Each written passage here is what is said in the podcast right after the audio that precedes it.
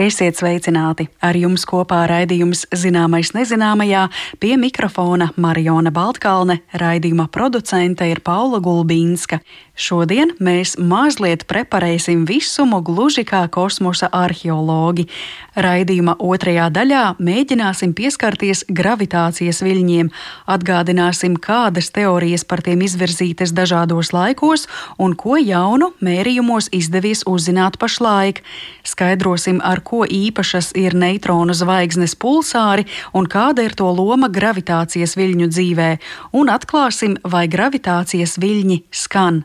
To visu palīdzēs saprast profesors Vjačeslavs Kašķējevs. Bet raidījuma iesākumā visuma preparēšanu sāksim ar mūsu arhīva stāstu, un tā būs Zanes Lāces Baltāksnes saruna ar astronomu Ilgoni Vilku par mēnesi rašanās teorijām. Laikam jāsāk ar to, ka mēs acīm redzot nekad neuzzināsim viennozīmīgi, kā mēnesis ir radies, jo tas notika 4,5 miljardus gadu atpakaļ.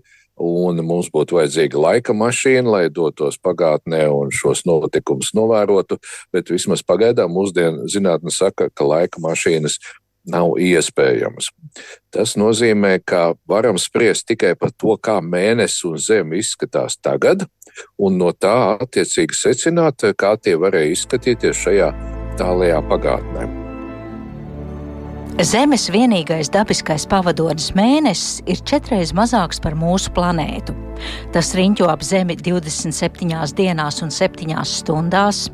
Uz mēnesis nav ūdens tvaiku, gaisa, vēja, nokrišņu, kā arī mēnesim nav atmosfēras, jo tā gravitācijas spēks ir pārāk mazs, lai noturētu gāzes molekulas. Tā kā uz mēnesi nav atmosfēras, tad cilvēkam tā ir pavisam nepiemērota vide dzīvošanai.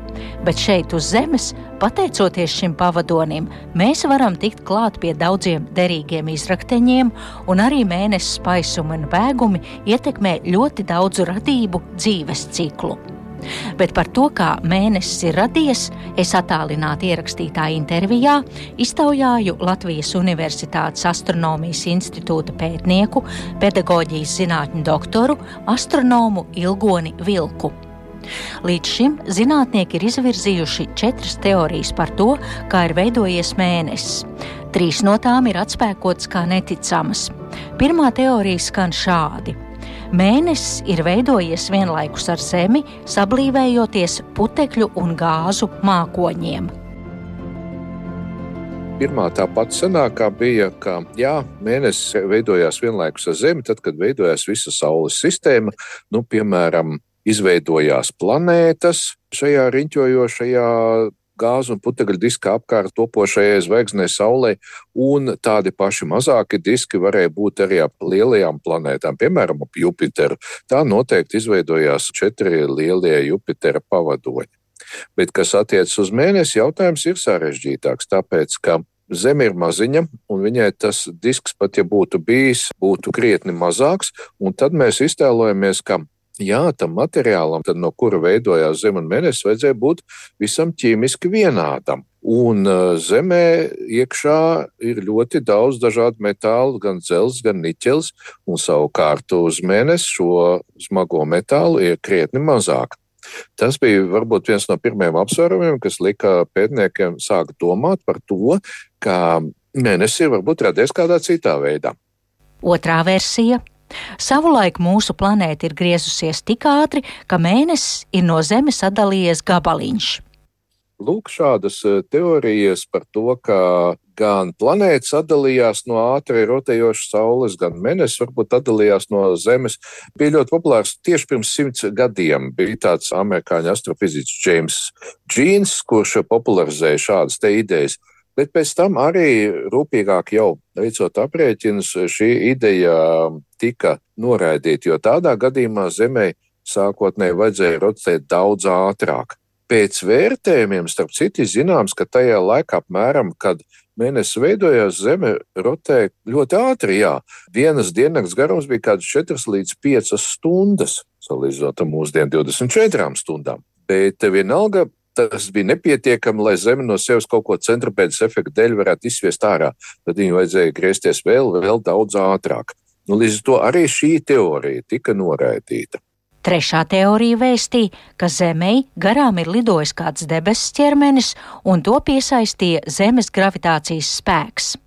Tā sakot, ka Zemē garām lidoja kāds liels debesu ķermenis, nu, tas pats mēnesis nākamais, un ka Zeme viņu noķēra. Mēs zinām, ka šādā veidā ir lielās Saules sistēmas planētas, Jupiters un Saturns noķēruši sev tādus mazus satelītus, kas riņķo ap tiem pa dažādām orbītām, gan tajā pašā virzienā, kur planētas griežas, gan arī pretējās, bet tie ir maziņi asteroīdi. Un lūk, atkal aprēķini rādīja to, ka tādā gadījumā Zemē vajadzēja būt ļoti biezai un tālu kosmosā izstieptajā atmosfērā, lai šis debesu ķermenis ne tikai palidot garām un um, bremzētos gravitācijas spēka dēļ, bet arī bremzētos šajā atmosfērā. Bet savukārt atkal citas dažādas geoloģiskas, ķīmiskas liecības rāda, ka Zemes atmosfērā agrāk ir bijis cits ķīmiskais sastāvs, jā, bet viņa nav bijusi būtiski blīvāka un biezāka. Līdz ar to nu, arī šī ideja tika atmesta. Ceturtā un līdz šim atzītākā teorija izskanēja 1975. gadā. Proti, savulaik Zemē ir ietriecies liela izmēra, apmēram Marsa lieluma objekts, un šī trieciena rezultātā ir radušies atlūzu gabali un izveidojušies par mēnesi. Lūk, šī teorija tiešām parādījās jau salīdzinoši sen, varētu teikt, manos puikas gados, bet tolaik tā vēl nebija sevišķi populāra dominēja kāda no tām, no kurām mēs jau nu pat runājām. Un tikai pakāpeniski jau apaugot ar papildu argumentiem, ar papildu aprēķiniem, šī teorija jau ieguva tādu kā dominējošo raksturu. Un tas arī nav nekāds pārsteigums. Agrīnajā Saules sistēmā bija gana daudz dažādu tā saucamo protoplanētu, par planētām mazāku ķermeņu, kas sadūrās savā starpā un veidoja planētas. Tas bija principā šis viss process, Un tā kā tāds Marsa lieluma objekts varēja tajā laikā ietriekties Zemē, tas tiešām nav nekāds pārsteigums. Tas bija iespējams ar gana lielu varbūtību. Pie kam šim Marsa lieluma objektam ir pat piešķirts nosaukums - Teija. Tātad šāds te teja lidoja, ietriecās zemē, vai tas bija precīzi, kā saka, pa vidiņu vai mazliet sāniski, to laikam ir grūti novērtēt, bet rezultāts bija tāds, ka lielā mērā šis te Marsa lieluma ķermenis sašķīt gabalos, lielā mērā liela daļa Zemes virskārtas arī tika izsviesta, izšķēdīta kosmosā šajā triecienā. Pie kam tā trieciena enerģija bija tik liela, ka šis materiāls, kaut arī Zeme uz to laiku jau bija sākusi veidoties, bija sākusi veidoties zemes garoza, jau cieta. Uz to brīdi atkal viss šie ārējie slāņi izkusa. Un pēc tam jau kādu dažu zemes rādījus attālumā no mūsu planētas sāka no šī materiāla tad veidoties gravitācijas spēkam, darbojoties savilkās kopā mums mūsdienās pazīstamais mēnesis. Mēs varam mēģināt iztēloties, kas tur īsti notika. Tātad kosmosā tika izsviesta gan daļa zemes vielas, gan liela daļa šī debesu ķermeņa, no kuras savukārt centrālā daļa varbūt ir iegrimusi mūsu zemē iekšā. Tā kā tur notika sajaukšanās, šo ķīmisko materiālu dažādo sajaukšanās. Un ko es šajā momentā gribētu piezīmēt, ka tas priekš mums varbūt izrādījās ļoti būtiski. Proti, tas, ka tādā veidā no Zemes iekšējiem slāņiem, kur jau bija notikusi tāda kā nogulsnēšanās, metāli bija nogulušies vairāk iekšpusē un vieglie ieži ārpusē, tad notika atkal uzvandīšana, un tādā veidā mūsu planētas ārējā daļā nonāca dažādi metāli. Mēs tagad mūsdienās atrodam dzelzrūdas, vāra rūdas, dažādus citus metālus, kuri, ja nebūtu notikusi savulaik pirms 4,5 miljardiem gadu šāda katastrofa, kur atrastos daudz lielākā dziļumā, nevis dažu kilometru dziļumā, bet simtiem kilometru dziļumā, kur tie faktiski būtu nepieejami. Un savukārt šie metāli mūsu civilizācijai ir ļoti vajadzīgi. Tā kā tas varētu būt, manuprāt, pats svarīgākais labums no tā, ka šāda katastrofa savulaik notika un mēnesis izveidojās. Lielākais labums, ko mēnesis mums ir devis. Taču tie nebūtu nav vienīgie labumi, ko mēs šeit uz Zemes iegūstam no mūsu pavadoņa. Arī klimatu ietekmē mēnesis. Par to turpina Ilgonis Vilks. Ir mazliet cits stāsts par to, kāds Zemē ir labums no mēneša. Tie labumi ir visādi. Tā kā Zeme ir tāda kā dubulta planēta, mēnesis ir tikai četras mazāks par Zemi, un rīķo mūsu planētai salīdzinoši tuvu. Līdz ar to mēnesis stabilizē mūsu planētas griešanos. Viņš stabilizē Zemes asas noliekumu. Tad, kad mēs raugāmies uz skolas geogrāfijas globus, mēs redzam, ka viņam tā asa ir slīpa. Šis asas līpums ir tas, kura dēļ mums mainās gada laiki. Un šīs asas līpums var būt lielāks vai mazāks, un atkarībā no tā būs izteiktākas gada laiki vai mazāk izteikti. Vecākot, klimata pārmaiņas notiek, ja mainās zemes asas līpums. Un, lūk, mēnesis ir tas, kurš šo mēnesi asas līpumu notur saprāta robežās, ja tā varētu teikt. Viņš mainās ilgstošā laika gaitā, vairāku simtu tūkstošu gadu laikā, bet eh, ne ļoti daudz. Un lūk, eh, šo apgalvojumu, kuru izvirzīja 20. gadsimta 90. gados, tagad pēdējā laikā sāk apstrīdēt, ka, ja mēnesis nebūtu, tad zemes asas svārstītos vairāk, bet ne tik ļoti daudz vairāk, ka tas eh, nu, ļoti radikāli ietekmētu mūsu klimatu. Līdz ar to šeit zinātnieks domas sāk dalīties, vai mēs iztiktu bez mēnesis, vai viņš mums tomēr ir ļoti nepieciešams. Līdz šim jaunas zinātniskas teorijas par mēnesi nav pierādītas, bet stāsta noslēgumā par Zemes pavadoņa rašanos astronoms Ilgons Vilks smaidot piedāvā vēl kādu ļoti nezinātnisku versiju par mēnesi. Man pat kāds cilvēks uzdāvināja grāmatu, lai es izlasu un saprotu, kā patiesībā ir bijis vai būs. Proti, šajā grāmatā ir apgalvots, ka mēnesi nākotnē izgatavos Zemes civilizāciju, kas būs ļoti attīstīta, jo tas mēnesis, kā jau mēs šeit runājam, ir ļoti noderīgs un novietos to mēnesi pagātnē. Priekš mums, mūsu vajadzībām, lai viņš stabilizē mūsu klimatu. Tur gan ir visādas loģiskas pretrunas šajā idejā, bet uh, nu, gribējās to arī pieminēt. Acīm redzot, nākotnē klimats uz Zemes būs tik slikts, ka nāksies izgatavot mākslīgu mēnesi, nosmēja mans sarunu biedrs. Tik jautājums ir, kā un kāpēc tas būs jāsūta atpakaļ uz pagātni.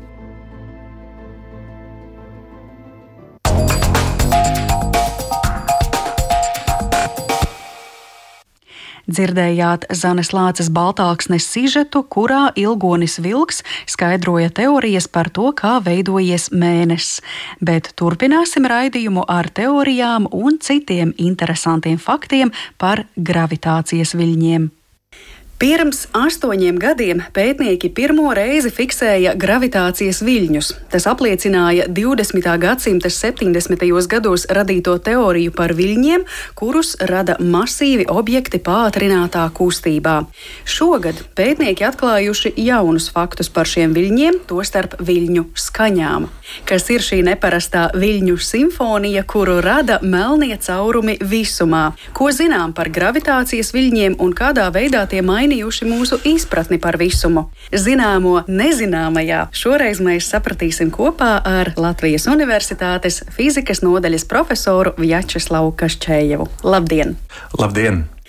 Vjačeslav, lai aizvestu mūsu klausītājus līdz stāstam par viļņu simfonijām, par gravitācijas viļņu skaņām, protams, būtu vērtīgi atgādināt, eh, kas vispār ir gravitācijas viļņi, par kuriem runā jau ilgu laiku, kā vispār radās teorijas par šādiem viļņiem pirms tiem vairākiem gadu desmitiem. Jāsaka, ka gravitācijas viļņi ir viens no maniem iecienītākajiem tematiem fizikā. Varbūt daļai tāpēc, ka tie mani fascinējuši kopš bērnības, bet tikai kā teorētisks konstrukts, un tad man ir palēmējies jau apzināti tā vecumā, jau esot uz profesionālā fizikas ceļa, piedzīvot reālajā laikā paziņojumu par to atklāšanu 2015. gadā LIGO observatorija ASV, pēc tam vēlāk arī Eiropas konsorcija pievienojās un detektēja uz Zemes ļoti, ļoti, ļoti, ļoti vāju efektu. Patiesībā tas detektors ir visjūtīgākais mikrofons, tāpat kā mēs šeit esam studijā un ierakstām skaņas viļņus. Tāpat gravitācijas viļņa efekts izraisīt skaņu, izraisīt vibrāciju tai vielai, tai matērijai, kurai tas iet cauri. Un tad tas no kosmosa nākošais gravitācijas vilnis gāja cauri detektoriem, milzīgiem, smagiem spoguļiem, savstarpējā attālumā 4 km. Tie ir spoguļi, tāpēc, lai ar gaismas palīdzību var ārkārtīgi precīzi, visprecīzāk par jebkādu citu garuma mērījumu līdz šim, izmērīt mikroskopiskas izmaiņas, to kā šie eh, spoguļi sāk svārstīties. Ja? Tātad tas, kā gravitācijas viļņi izpaužas ejot cauri vielai, viņi tajā vielā ierosina ļoti, ļoti, ļoti klusu skaņu.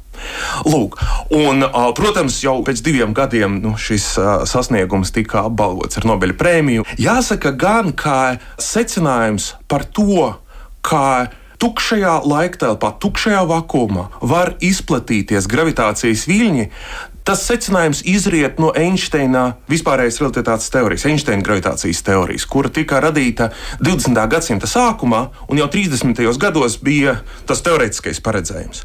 Un patiesībā pirmais atklājums, nepārprotama kvantitatīva liecība gravitācijas viļņu esamībai, bija Halsona Teilora divu radioastronomu atklājums 1974. gadā, par ko viņi jau 93. gadā bija dabūjuši Nobela prēmiju. Ja? Tātad es iezīmētu trīs pagrieziena punktus. Šodien mēs runāsim par trešo. Es ieskicēju otro, kas bija tas laigo tiešais jau gravitācijas viļņa no konkrēta notikuma detektēšana no Zemes, bet pirmais pagrieziena punkts bija novērojums par to, ka vienai binārai zvaigžņu sistēmai lēnām pazūd enerģija, ka tā enerģija tiek izstarota. Un vienīgais veids, kā divi ķermeņi vakumā var zaudēt šo enerģiju, savstarpējas rotācijas enerģiju, bija caur gravitācijas viļņu izstarošanu. Un izrēķinātais ātrums, ar kuru tai enerģija jāzūd, precīzi saskanēja ar ilgadējiem novērojumiem. Tur ir ļoti fascinējošs stāsts, jo tas prasīja arī zināmu veiksmi. Jo kosmosā mēs varam veikt tikai novērojumus, mēs nevaram veikt eksperimentus. Un tas, ar ko bija palēmējies Halsam un Tayloram, ka viņi bija detektējuši pulsāru Un mēs šodien runāsim par pulsāru, jo pulsārs ir atslēga tam trešajam šodienas pagrieziena punktam, vēl vienam veidam, kā secināt par to, ka visumā izplatās gravitācijas viļņi. Tad pulsārs, arī Halsa un Teilora pulsārs, ir nu, tāda tā kā kosmiska bāka. Un burtiski tas mehānisms, kādēļ pulsārus detektē ar ļoti jūtīgiem radiouztvērējiem, radioteleskopiem, var precīzi skatīties noteiktā punktā pie debesīm un klausīties, kādi radiosignāli nāk. Un pulsārs izpaužas kā ļoti periodisks radiosignāls. Ja mēs viņu pārvērstu skaņā, nu, tā būtu diezgan, diezgan augsta nots, ja? vairāki simti impulsu sekundē. Un pakāpeniski šādus signālus pētot, zinātnieki saprata, ka tas ir tādas tā kā bākas. Pulsārs ir ļoti kompakta neutrona zvaigzne, kurai no magnētiskiem poliem iet ļoti intensīvs starojums visā elektromagnētisko viļņu spektrā. Ja mēs būtu nedaudz tuvāk, mēs pulsārus varētu redzēt arī ar aci. Tad tā ir ļoti kompakta zvaigzne, kurai pie magnētiskiem poliem ir divi prožektori - ziemeļpolā un dienvidpolā, kas ārkārtīgi spožu rada gaismu izplatījumā. Pulsārs ir šī e, zvaigzne tādā savā dzīves beigu stadijā. To arī varētu skaidrot. O, jā, mēs tā pavadienas aiz pavadienu, domāju, pastaigāsim pa astrofizikas visfascinējošākām sadaļām. Tik tiešām tā nav vienkārši kura katra zvaigzne, kura sastāv no plazmas un ir tādā savas evolūcijas mierīgā posmā, kā mūsu Saule. Un, kad es saku ļoti maza, ļoti kompakta, mēs runājam par, par kaut ko mazu zemes mērogā. Ja? Tipiskie diametri ir desmitiem kilometru kilometru. Un šajā mazā, kompaktā daudzumā saspiesta veselai zvaigznei atbilstoša masa. Un pēc būtības tur ir tik liels blīvums, kāds ir atomu kodolos. Varētu teikt, ka tāda neitrona zvaigzne, kas ir pulsārs, viņa visa ir viens milzīgs kodols. Ja? Tā kā viens vienīgs atoms izpūstos desmit km daudzumā, lai tajā būtu tik, tik, tik daudz neitronu. Elektroni ar protoniem ir apvienojušies, un visa matērija pārvērtusies neitronos. Viņi ir elektriski neitrāli, un viņi satur kopā milzīgs, milzīgs gravitācijas lauks. Bet tas, kas padara neutronu zvaigzni par pulsāru, ir ārkārtīgi spēcīgs magnētiskais lauks. Simtiem miljonu spēcīgāks nekā visspēcīgākais magnētiskais lauks, ko radīt Zemes laboratorijā. Tātad, kas mums ir? Mums ir šīs milzīga neutronu matērijas lode. Redziet, mūsu Saule rotē ap savu asi apmēram vienu mēnesi. Visai šai matērijai tik ļoti drausmīgi saspiežoties, tas rotācijas periods pieaug līdz simtiem apgriezienu vienā sekundē. Un tad, ja mums vēl papildus palēmējas, ka mēs katrā apgriezienā trāpam zem tā prožektora, tad tajā brīdī, kad tas prožektors ir vērsts pret mums, mēs uztveram to radio impulsu pēc viena apgrieziena nākamā, nākamā, nākamā. Tāpēc, tas ir pulsārs. Tāpēc arī pulsāru citreiz aprakstos salīdzina ar bāku, kura izstaro šos starojuma kūļus. Nu, tā arī sanāk, vai ne? Precīzi, jūs zināt, kosmosa kuģiem Tas ir navigācijas mm. rīks. Un es šobrīd runāju pilnā nopietnībā. Tiek testēta ļoti līdzīga cilvēku radītajai GPS tehnoloģijai, ar ko mēs varam saprast, kā mums no punkta A uz punktu B aizbraukt uz Zemes. Cilvēku izgudrotā GPS sistēma balstās arī uz ļoti precīziem, atkārtotiem impulsiem, kas nāk no atomu pulksteņiem, kas palaisti orbītā ap Zemi un veido šo GPS pavadoņu zvaigznāju. Un katrs, kas GPS lieto, zina, ka nu, jābūt uztveramam tam GPS signālam. Tie ir cilvēku radīti atomu pulksteņi. Un mums ir palēmējies, ka visās galaktikās ir izkaisīti šie pulsāri, kuri tādi dabas dāvinātie, ārkārtīgi precīzie pulksteņi. Viņu precizitāte tiešām ir salīdzināma. Tā relatīvā kļūda par to momentu, kurā pienāk nākamais impulss, ir salīdzināma ar atomu pulksteņiem.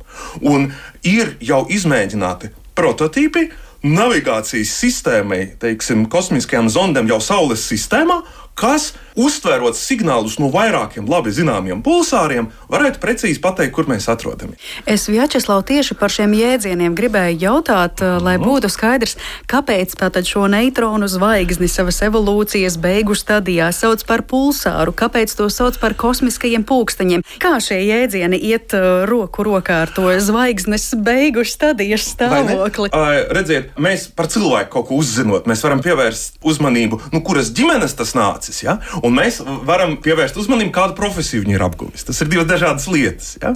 Zvaigzne savā dzīves beigu stadijā. Tas ir par to, kāda ir šo neitronu zvaigžņu izcelsme. Mm. Nevelti tik ekstremālā stāvokļa zvaigzne nevar nonākt mierīgā ceļā. Neitronu zvaigznes rodas tad, kad izbeidzas enerģija kodola reakcijās, kas visu laiku uztur zvaigžņu spožumu. Nu, tāpat kā mēs spuldzītes skatāmies, ja spuldzīte spīd, kamēr tai pievada enerģiju. Zvaigznīte spīd, kamēr tai iekšā izdalās kodola sintēzes rezultātā šī kodola enerģija. Neitronu zvaigznē visa kodola enerģija ir beigusies. Un tad, kad tā enerģija zvaigznē izbeidzas, tad tā sāk strauji atzist. Tā vairs nav spilgti nokaitēta spulce. Varētu teikt, ka nu, zvaigznes beidzas baterijas, spulce atslēdzas, zvaigznes kodols atdziest, un tad atdzisušai gāzei pazūd spiediens. Zvaigznes dzīve, tāpat kā cilvēka dzīve, tā ir terminēta. Un zvaigznes, nu, tāds nāves avots, ir tieši tas, kas viņu satur kopā. Tas ir tas gravitācijas spēks, kuram pazūd uzkarsētās gāzes pretspēks. Nav pretspēka, tad zvaigznes saspiežas vēl vairāk, gravitācija kļūst vēl stiprāka. Gravitācijas īpašība ir tāda, ka jo vairāk es esmu masas sakoncentrējis, jo lielāks tas spēks ir. Un vairs normāla gāze nespēja turēties pretī ar vien straujākai saspiešanai. Kad ir beigusies šī kodola enerģija, notiek milzīgs sprādziens, ārējie apvalki tiek izmētāti apkārt, rodas miglais, radioaktīvo elementu pārpalikumi liek tam miglējam spoži, spoži spīdēt. Mums šobrīd interesē tas, kas palicis centrā.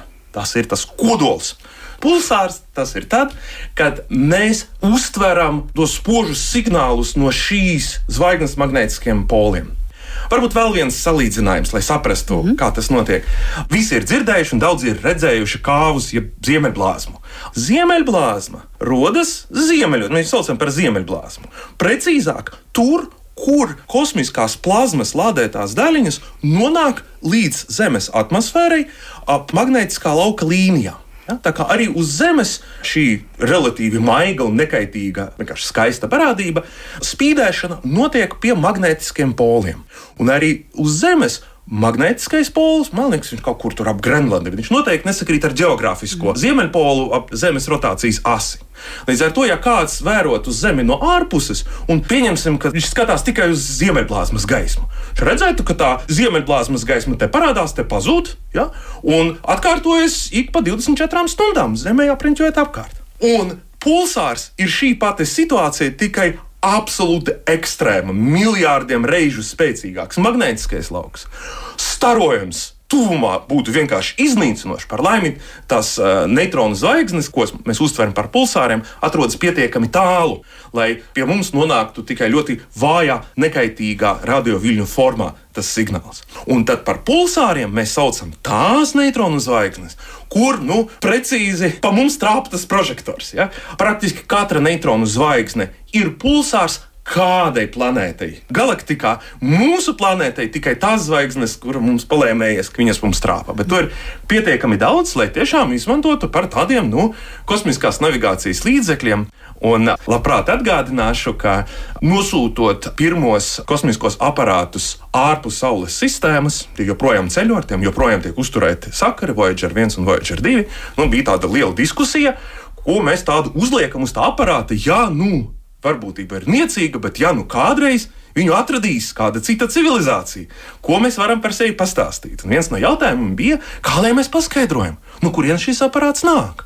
Un tad uz tās zelta plāksnītes, kas ir katrā no Voyageriem nostiprināta, tur ir geometriski parādīti virzieni uz 21 zemes tuvumā esošu pulsāru un atzīmēts, kādas ir attiecības starp viņu periodiem, lai, ja pie tajā pusē ir pietiekami gudri zinātnieki, viņi varētu novērtēt, pozicionēt, kur tad Zeme atrodas. Ja, ja vēl par jēdzieniem Vjačeslav runā, tad es arī tieši vēl gribēju to otru pulsāru jēdzienu precizēt, jo reizēm liek pēdiņās, ka šos pulsārus vai tās neutronu zvaigznes dzīves beigu stadijā sauc par kosmiskajiem kosmiskajiem pulksteņiem, jūs teicāt arī kosmiskie navigācijas līdzekļi. Kā tad sanāk būtu precīzāk un kāpēc tad tie mums iedod kaut kādu sapratni par laiku, kaut kādu periodu?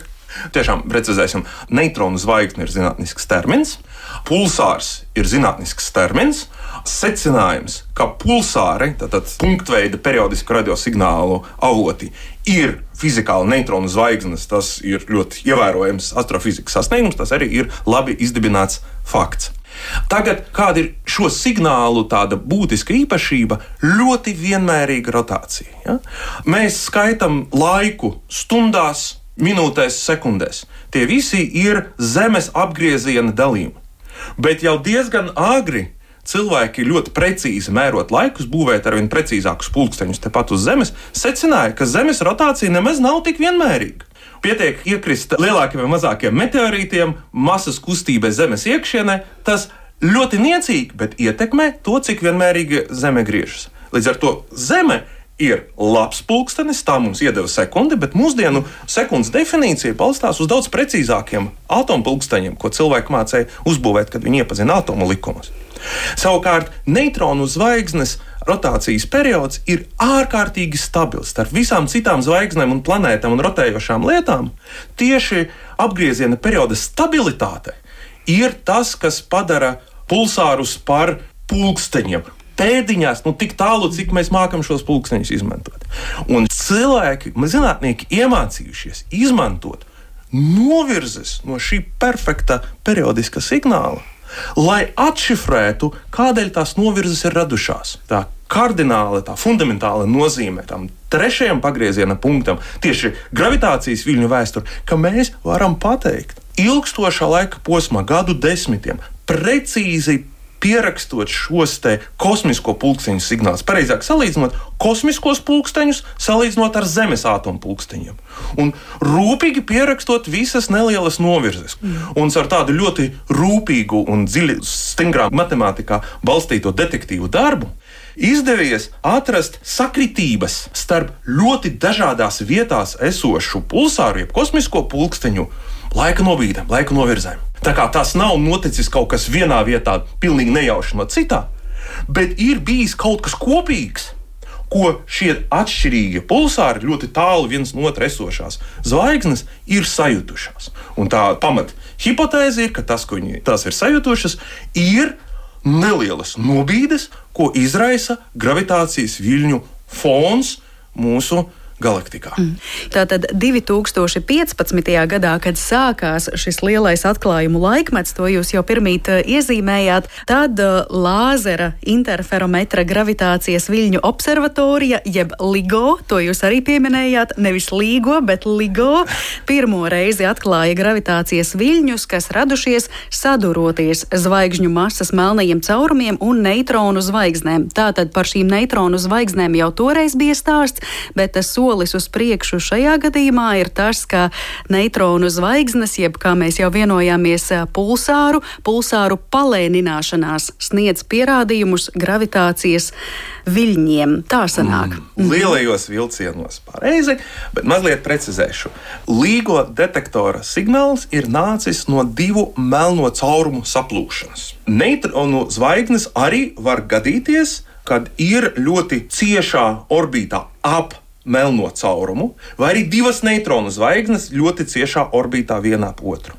Tas, kas mums ir jānodala, visos šajos gadījumos, mēs runājam par melniem caurumiem vai neitronu zvaigznēm, tad, kad viņi ir vismaz divi, kā gravitācijas viļņu avoti. Tie ir specifiski konkrēti avoti. Savukārt, tajā stāstā par pulsāru tīklu mēs runājam par neitronu zvaigznes īpašību būt par pulsāru, ka tā iet uz darbu un raida mums šos periodiskos signālus, un mēs esam izmantojuši šīs neitronu zvaigznes pakalpojumus lai tie pulsāri būtu uztvērējis. Tā kā ja līdz šim mēs runājam par neitronu zvaigžņu iesaisti gravitācijas viļņu radīšanā, tad eh, šeit ir runa par gravitācijas viļņu uztveri. Un tas lielais sasniegums ir tajā, ka ar šo pulsāru tīklu detektētie gravitācijas viļņi ir ar daudz zemākām frekvencēm. Tas, acīt, tas ir uz citu frekvenču diapazonu uztjunēts radio. Viens ir tas īstais rādio, tas līgo detektors, ko mēs esam uzbūvējuši uz Zemes, bet tam ir ļoti šaura tā frekvenču josla. Tas ir jūtīgs kā reiz pret zvaigznes masas lieluma objektiem. Savukārt, to gravitācijas viļņu fonu, ko ir detektējis pulsāru tīkls, to rada galaktikas mērogā melnie caurumi. Un tas ir vēl cita astrofizikas sadaļa, teorētiski, kurai ir jārada gravitācijas vilnis, arī tā kļūst pieejama novērojama. Arī tur mēs varam salīdzināt mūsu priekšstatus par galaktiku veidošanos un par galaktikas mēroga tā saucamiem supermasīviem melniem caurumiem to centros. Mēs varēsim salīdzināt mūsu priekšstatus ar novērojumu. Ar to šis ir tāds nu, fundamentāli svarīgs veids, kā caur kosmiskiem starpniekiem detektēt gravitācijas viļņus. Un varbūt tādam piezīmē par neitronu zvaigžņu lomu pie 15. gada atklājuma, 17. gada Nobelprēmija. Priekš tās Nobelprēmijas bija ļoti svarīgs apstiprinājums, ka tomēr tas signāls ir tiešām nāk no melniem cauriem, nāk no kosmosa. Un, protams, uzkrājot signālu statistiku, atradās arī tie, kuri rodas saplūstot melniem caurumam un neitronu zvaigzni. Un par to arī bija ārkārtīgi liela zinātnieku sajūsma. Jo tad, kad ir iesaistīti divi melnie caurumi, tad vienīgais uztveramais signāls ir tas gravitācijas vilnis. Mums nav ar ko salīdzināt. Mums nav zipšņa pie debesīm, mēs nevaram pārbaudīt, ka tur kaut kas ārkārtīgi enerģētisks ir noticis. Bet, ja saplūst neitronu zvaigzne un melnais caurums, vai, div, vai divas neitronu zvaigznes, o, tur iet uh, kodoltermiskais jandāliņš mm. pēc pilnas programmas. Mm. Un tika atklāti vairāki notikumi, kad uzreiz pēc gravitācijas viļņu signāla detektēšanas visi pieejami teleskopi elektromagnētiskiem viļņiem, redzamai gaismai, gammastāriem, radioteleskopiem tika pavērsti uz to pašu vietu pie debesīm, no kuras nāca tie gravitācijas viļņi. Un tur bija absolūti izšķiroši, kā arī Eiropai bija trešais detektors Virgo, jo tikai ar trīs neatkarīgu detektoru palīdzību var noteikt to vietu, no kurienes nācis tas gravitācijas vilnis. Uz turieni uzreiz pagriežot labākos teleskopus, varēja novērot šo kodoltermisko sprādzienu visa tā krāšņuma. Tā kā šīs apstiprinājums nu, nolika permanenti gravitācijas viļņu astronomiju un gravitācijas viļņu teleskopus nu, pilnajā astronomisko novērojumu arsenālā. Tad kā būtu vispār pareizi jāapgalvo, vai pulsāru palēnināšanās mums sniedz pierādījumus gravitācijas viļņiem, vai gravitācijas viļņi ir tie, kuri palēnina pulsārus, vai varbūt abejādi? Es, man veiksmīgi izdevies jūs samulsināt, pierakariski klausītājs. Mēģināsim atmust. Te mums uh, sajuka senāka pagātne ar tagadni. Senāka pagātne, kur bija palēnināšanās, tādēļ, ka divas neitronu zvaigznes, no kurām viena ir pulsārs, staroja ārā tos gravitācijas viļņus, pārāk vājus, lai mēs varētu viņus detektēt līdz saplūšanai vēl miljoniem gadu, bet pateicoties tai palēnināšanai, mēs varējām pamanīt. Mainījās nevis tā pulksteņa tikšķēšanas periods, tas paliek uh, relatīvi nemainīgs, bet tam pulsāram riņķojot ap otru zvaigzni, ap viņu kopīgo masas centru, tā frekvence kļūst lielāka, te mazāk tas Doppler efekts. Viu, viu, viu, kā sirēni. Tā pamatsignāla modulācija, tās kosmiskās sirēnas palēnināšana, tas ātrums precīzi atbilda tam, kādam ir jānotiek. Pakāpeniski šīm divām apkārt masas centram rotējošām zvaigznēm satuvinoties. Ja? Tas bija tas apstiprinājums, vēlreiz 74. gada atklājums, 93. gada Nobelpremija. Tas ir tāds netiešais apstiprinājums, ka tiek starots kaut kas, kurš pēc visiem aprēķiniem ir gravitācijas viļņi. Lūk. Tā otra, tā otra puse ir tas, ko es jums vēl nebiju izstāstījis. Mm -hmm. Mēs bijām nodibinājuši tik tālu, ka pa galaktiku izmētātas neutronu zvaigznes, ja katra no tām ir forša bāka ar saviem prožektoriem pie magnētiskiem poliem, ja trāpa uz mums, tas ir pulsārs. Tas ir mūsu atskaites sistēma ja, uz kartes. Un tad, iedomājieties, uz tās kartes pārskrien pāri gravitācijas vilnis. Kādu efektu atstāja gravitācijas vilnis, kad tas pārskrēja pāri laika telpai? Tā kā tie divi attālie pulsāri, viņi nekādi nav viens ar otru saistīti. Ja? Viņi tiešām var kalpot kā ļoti precīzas, nu, tādas tā kā, iedomājieties, kniepadatas ir iespraustas laiktelpā vienā vietā un otrā vietā. Un tas arī ir tāds precīzi sareiķināms no teorijas efekts, ka pārskrienot pāri gravitācijas vilnim, viena kniepadata mazliet nobīdās salīdzinājumā ar otru kniepadatu ja tā bāze ir milzīga, tāpat kā desmitiem tūkstošu gaismas gadu attālums starp pulsāriem, tad tā nobīde nu, var sasniegt simtiem metru. Bet arī šeit mēs runājam par simtu metru izšķiršanu uz desmitiem tūkstošu gaismas gadu. Tās relatīvās izmaiņas ir ļoti nelielas. Bet rezultāts ir tāds, ka attiecībā pret Zemi, kur mēs to pulsāru signālu novērojam, vienam gravitācijas vilnim starp mums un pulsāru pārskrienot, tas pēkšņi ir atbīdījies pa 100 metriem prom. Un tad gaismai vajag vēl klāt 100 metrus ceļot pie mums. Līdz ar to nākamais impulss būs aizkavējies. Un šī kavēšanās nozīmē, ka kaut kas nav tīri, kaut kas ir noticis. Kāds tur čamājas? Un kāds tur ir čamājis? Un, ja tas būtu tikai starp mani un šo signālu, nu vai mazums, kas viņam tur nojuka, nu kaut kāda zvaigžņu trīce uznākusi. Arī. Par to, starp citu, ir teorijas un novērojumi. Tāpat kā par zemestrīcēm, tāpat arī par zvaigžņu trīcēm. Mm un, ja tikai es un tā neitrona zvaigzne nav neviena, kas mums varētu izšķirt.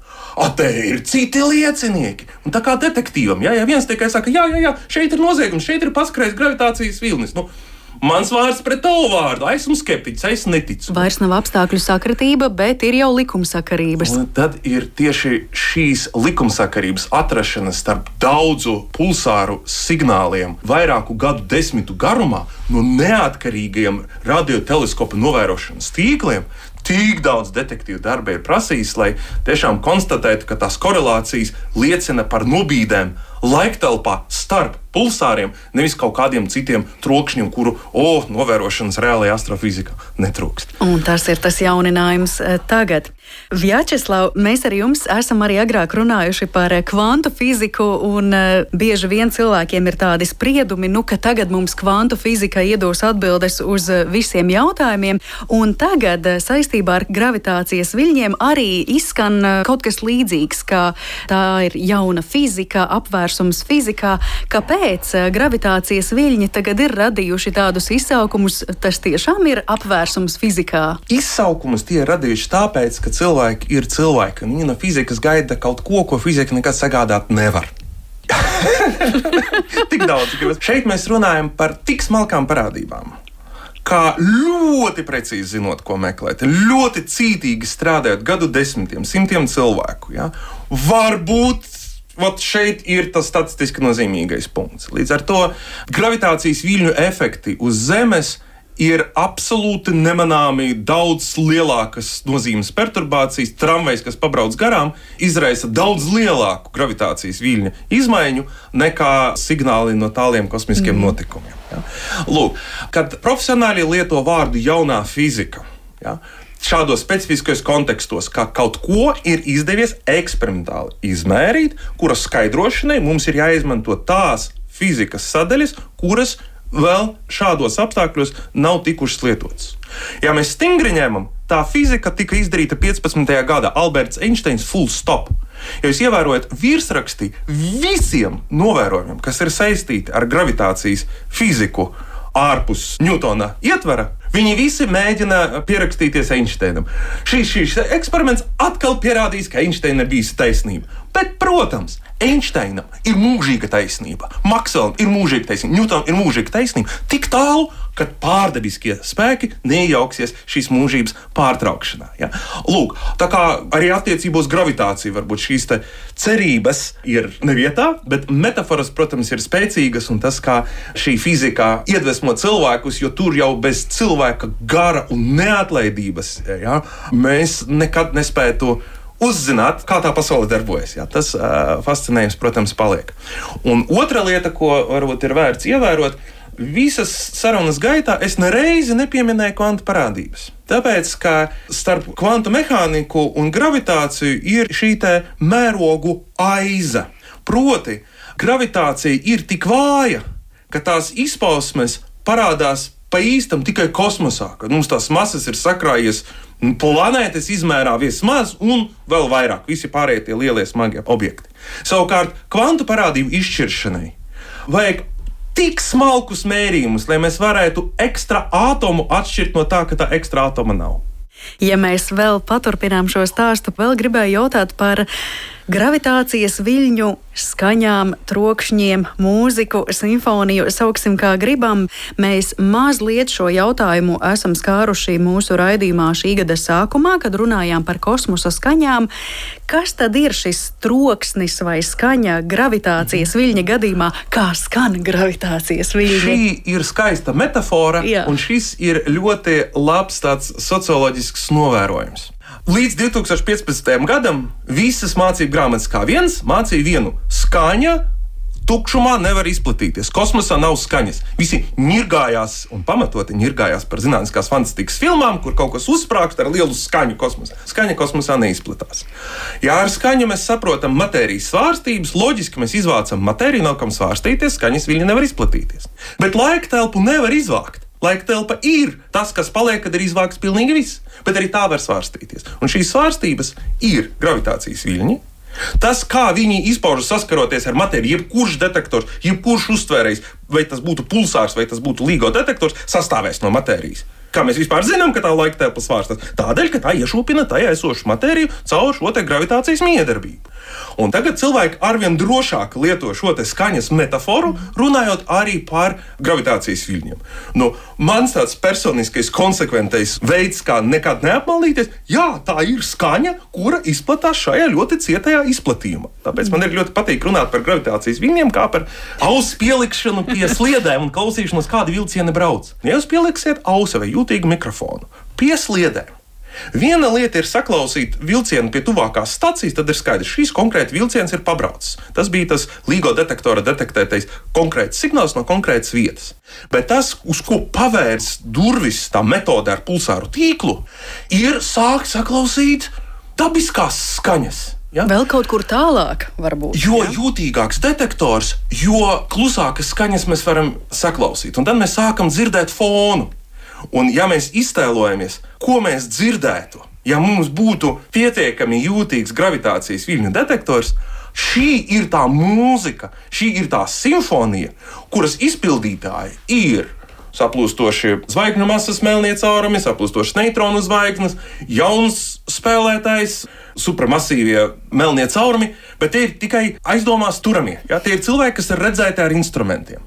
Tikai viens cilvēks ir redzēts šo instrumentu spēlēm, tā kā mēs dzirdējām. Bet viņam ir tāda skaļa, skaļa trumpete. Bet citi staigā ar violēm, citi staigā mēs neesam dzirdējuši šo mūziku. Un, protams, tās gaidas ir pēc noslēpuma, pēc atklājuma. Ja? Jo tad, kad ir izskaidrots, tad ir viegli. Bet, kad uh, Joselina Bela detektēja pilno pulsāra signālu, pirmkārt, viņas vadītājs viņa neticēja. Teic, ne, turpin meklēt troksni. Nevar būt tāda periodiska signāla no debesīm. Nav tāda procesa, kas ar precīzi 100 Hz signālu var dot no debesīm. Tā ir kļūda mūsu mērījumos. Viņi uzstāja, ka tā nav, un visas pārbaudas veicot, bija skaidrs, ka tas nāk no citas radioteleskops, detektē no tās pašas vietas, tas signāls nāk no kosmosa. Pilnīgi nekādas skaidrības. Un labākā hipotēze bija mazie zaļie cilvēki. Mm. Un kamēr tur pēc pusgada vai gada neatklāja vēl vienu tādu signālu, ja, nu, tad gan jau tas ir kaut kas dabisks. Un tas bija ļoti varonīgs laiks atšifrēt, kā tā var būt. Ja? Bet šajā ja. gadījumā es saprotu, ka runā par gravitācijas eh, viļņu fona dūkoņu, kas ir iegūta Jā. no kopumā 115 pulsāriem. Tātad skaņa šeit ir kaut kas dūcošs. Mēs varam uzbūrt to ainu sajūtu, kas tā skaņa varētu būt.